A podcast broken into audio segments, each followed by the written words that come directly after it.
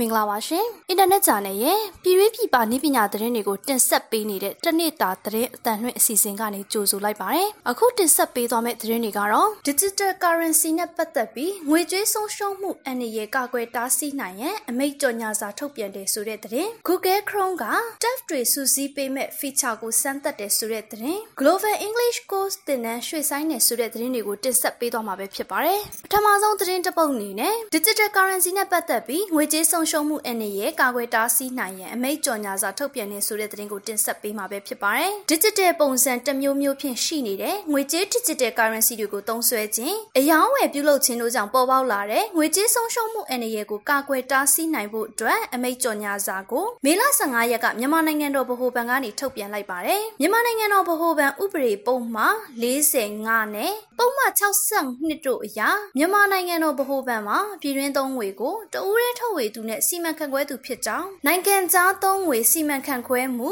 ဥပဒေပုံမှန်2ပုံမှန်ခွဲခနဲ့ပုံမှန်ခွဲဂငယ်တို့တွင်နိုင်ငံခြားငွေနဲ့နိုင်ငံခြားသုံးငွေတို့ရဲ့အတိတ်ပဲဖွင့်ဆိုချက်ကို၎င်းပုံမှန်38မှာမြည်သူမြနိုင်ငံခြားသုံးငွေလုပ်ငန်းလောက်ကင်ခွင့်လိုင်စင်တစ်မျိုးမျိုးမရှိဘဲနိုင်ငံခြားသုံးငွေလုပ်ငန်းလောက်ကင်ခြင်းမပြုရလို့၎င်းငွေရေးကြေးရေးအဖွဲ့အစည်းများဥပဒေပုံမှာ159မှာမြည်သူမြဗဟိုဘဏ်ကနေထုတ်ပေးတဲ့မှတ်ပုံတင်လက်မှတ်မရှိဘဲဘဏ်မဟုတ်တဲ့ငွေရေးကြေးအဖွဲ့အစည်းအဖြစ်ထူထောင်လောက်ကင်ခြင်းမပြုရဟုပြဋ္ဌာန်းထားကြောင်းထုတ်ပြန်ချက်မှာဖော်ပြထားပါတယ်။မြန်မာနိုင်ငံတော်ဗဟိုဘဏ်မှာ digital currency တွေကိုတရားဝင်ငွေကြေးအဖြစ်သတ်မှတ်ထားခြင်းမရှိဘဲရင်းကိုရောင်းဝယ်လဲလှယ်ခြင်းများဆောင်ရွက်ရန်ငွေရေးကြေးအဖွဲ့အစည်းများသို့ခွင့်ပြုထားခြင်းမရှိကြောင်းအချို့သောသူများက digital currency တွေဖြစ်တဲ့ cryptocurrency, bitcoin, BTC, Litecoin, LTC, Ethereum, ETH တို့နဲ့ Perfect Money PM အစရှိတာတွေကို Personal Facebook အကောင့်မှာ Personal Facebook အကောင့်များ Web Page များမှာတဆင့်ရောင်းဝယ်လဲလှယ်မှုတွေကိုမိမိကိုယ်တိုင်တော်၎င်းဝန်ဆောင်မှုပေးတဲ့ပုံစံနဲ့တော်၎င်းဆောင်ရွက်လျက်ရှိနေတာကိုတွေ့ရှိနေရပြီးထိုကဲ့သို့ဆောင်ရွက်ပါကသုံးဆွဲသူတွေအနေနဲ့ဆုံးရှုံးနိုင်ခြေရှိကြောင်းကိုမြန်မာနိုင်ငံတော်ဗဟိုဘဏ်က2019ခုနှစ်မေလ3ရက်နေ့သတင်းစာမှာအသိပေးကြေညာချက်ထုတ်ပြန်ခဲ့ကြောင်းဥပဒေပြဋ္ဌာန်းချက်ပါတားမြစ်ချက်တွေကိုဖောက်ဖျက်ကျူးလွန်ပါကကျူးလွန်သူအားတရားစွဲဆိုမှဖြစ်ပြီးပြစ်မှုထင်ရှားပါကနိုင်ငံခြားသုံးငွေစီမံခန့်ခွဲမှုဥပဒေပုံမှန်42နဲ့ငွေကြေးအဖွဲ့အစည်းများဥပဒေပုံမှန်181တို့အရာ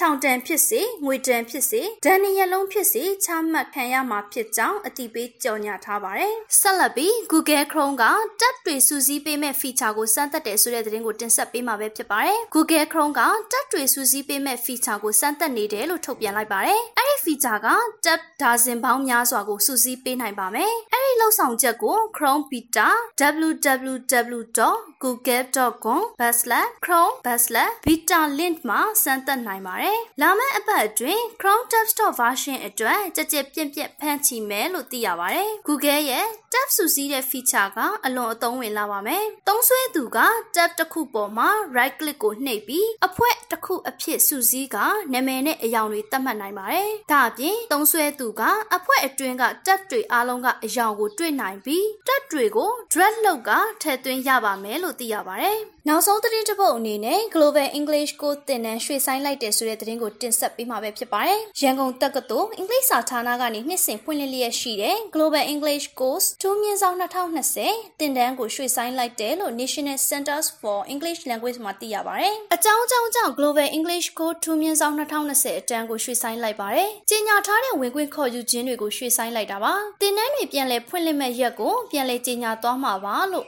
NCEL Facebook စာမျက်နှာမှာဖော်ပြထားပါတယ်။ Global English Course ဟာဝင်ခွင့်ကိုနှစ်စဉ် online ကနေတဆင့်ခေါ်ယူလေးရှိပြီးတော့တစ်နှစ်လျင်၃ချိန်ခန့်ခေါ်ယူလေးရှိပါတယ်။ဝင်ခွင့်ရရှိသူတွေက level 5ခုကိုတက်ရောက်ရမှာဖြစ်ပြီး visit intermediate upper intermediate advanced 1နဲ့ advanced 2တို့ပဲဖြစ်ပါတယ်။ level 5ခုပြီးမှသာ diploma ရရှိမှာဖြစ်ပြီး level တစ်ခုကို3လခန့်ကြာမြင့်ပါတယ်။တင်နန်းကိုတော့ရန်ကုန်တက္ကသိုလ်ရှိပင်လုံဆောင်မှာတက်ရောက်ရတာဖြစ်တယ်လို့သိရပါတယ်။အခုတင်ဆက်ပေးသွားတဲ့သတင်းတွေကတော့နိုင်ငံတကာနဲ့ပြည်တွင်းမှာရရှိထားတဲ့ဤပညာသတင်းတွေကိုအင်တာနက်ဂျာနယ်ကနေတင်ဆက်လိုက်တာပဲဖြစ်ပါတယ်။ခုလို COVID-19 ဖြစ်ပေါ်နေတဲ့ကာလမှာပြည်သက်တွေအနေနဲ့လည်းကျန်းမာရေးနဲ့အားကစားဝန်ကြီးဌာနရဲ့လမ်းညွှန်မှုတွေနဲ့အညီလိုက်နာဆောင်ရွက်ကနေထိုင်သွားလာဖို့တိုက်တွန်းလိုက်ပါတယ်။ကျွန်မကတော့ဝေမြင့်မှုပါ။